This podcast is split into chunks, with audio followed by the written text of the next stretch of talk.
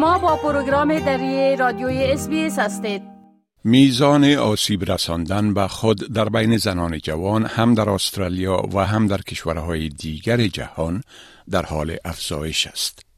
کارشناسان برجسته جهان در یک نشست در سیدنی در مورد بیماری های روانی که به طور گسترده در مورد آنها صحبت نمی شود به مباحثه پرداختند.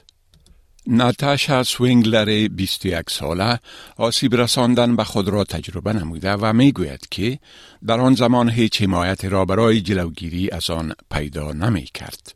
I probably self-harmed for seven years before I actually found any kind of support and initially that was actually a teacher at school who noticed that something wasn't right. ملانی بال از NHS تراست در لندن هم سالها به خود آسیب رسانده است و می گوید که این کار را از هفت سالگی تا تقریبا 20 سالگی ادامه داد.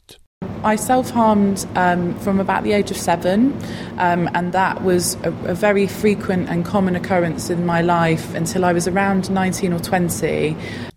هر دوی این زنان در نشست در مورد آسیب رسانی به خود در اواخر هفته گذشته در سیدنی شرکت کردند که در آن گفته شد که میزان حوادث این مشکل روانی در حال افزایش است. در سال گذشته 390 هزار استرالیایی گزارش دادند که عمدن باعث درد یا آسیب به بدن خود شده اند که از این تعداد 270 هزارشان زنان بودند. پروفسور هلن کریستنسن رئیس هیئت مدیره مؤسسه غیر انتفاعی کومک در تداوی عوارض گوناگون روانی به نام بلک داگ در سیدنی می‌گوید که درباره این آرزه درک کافی وجود ندارد. So we've got this massive number of people who are self-harming and we really don't know very much about it. کارشناسان می‌گویند که شرم اکثر اوقات باعث می شود که مردم از کمک گرفتن خودداری کنند. پروفسور جو رابنسون رئیس جلوگیری از خودکشی در نهاد آریجن در ملبورن می گوید صحبت کردن با بزرگسالان در مورد آسیب رساندن به خود برای جوانان بسیار مشکل است. What young people are telling us is that they find it extremely hard to communicate openly about self-harm. They find it hard to talk to the adults in their lives and the professionals in their lives because they're afraid of the, the stigma that's associated with self harm. They're afraid of being judged negatively and they're afraid of how people will react. آسیب رساندن به خود در 45 کشور جهان جرم پنداشته می شود و در کشورهای با درآمد کم و متوسط بسیار معمول است. دکتر دولیکا کنیپی یک متخصص بیماری های همگیر در پوهنتون بریستول است. او زمان زیاد را در سریلانکا صرف تحقیق در مورد آسیب به خود و صحبت با زنان جوان آنجا کرده است.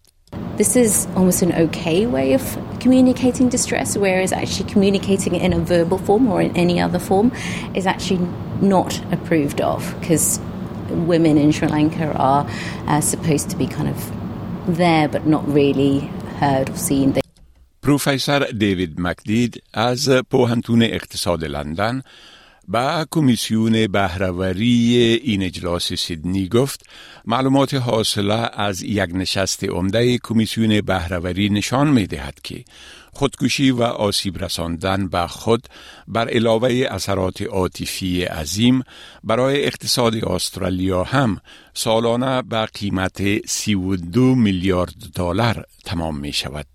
It's an enormous amount and, and a large proportion of that can be avoided through effective investment in suicide and self-harm prevention strategies.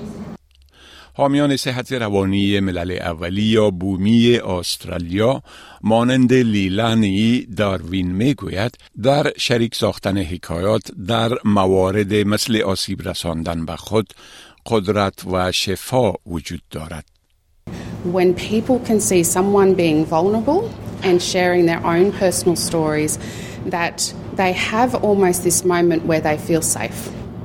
Our young ones are our future.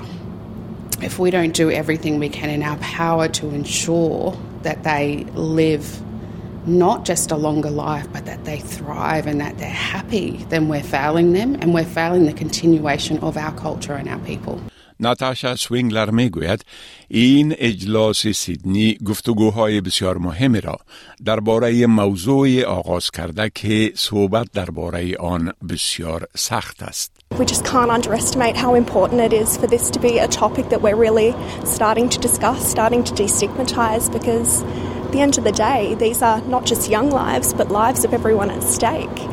کمیشنرهای مجله معتبر لنست نیز در این اجلاس حضور داشتند که به زودی گزارش را در مورد آسیب به خود تهیه خواهند کرد.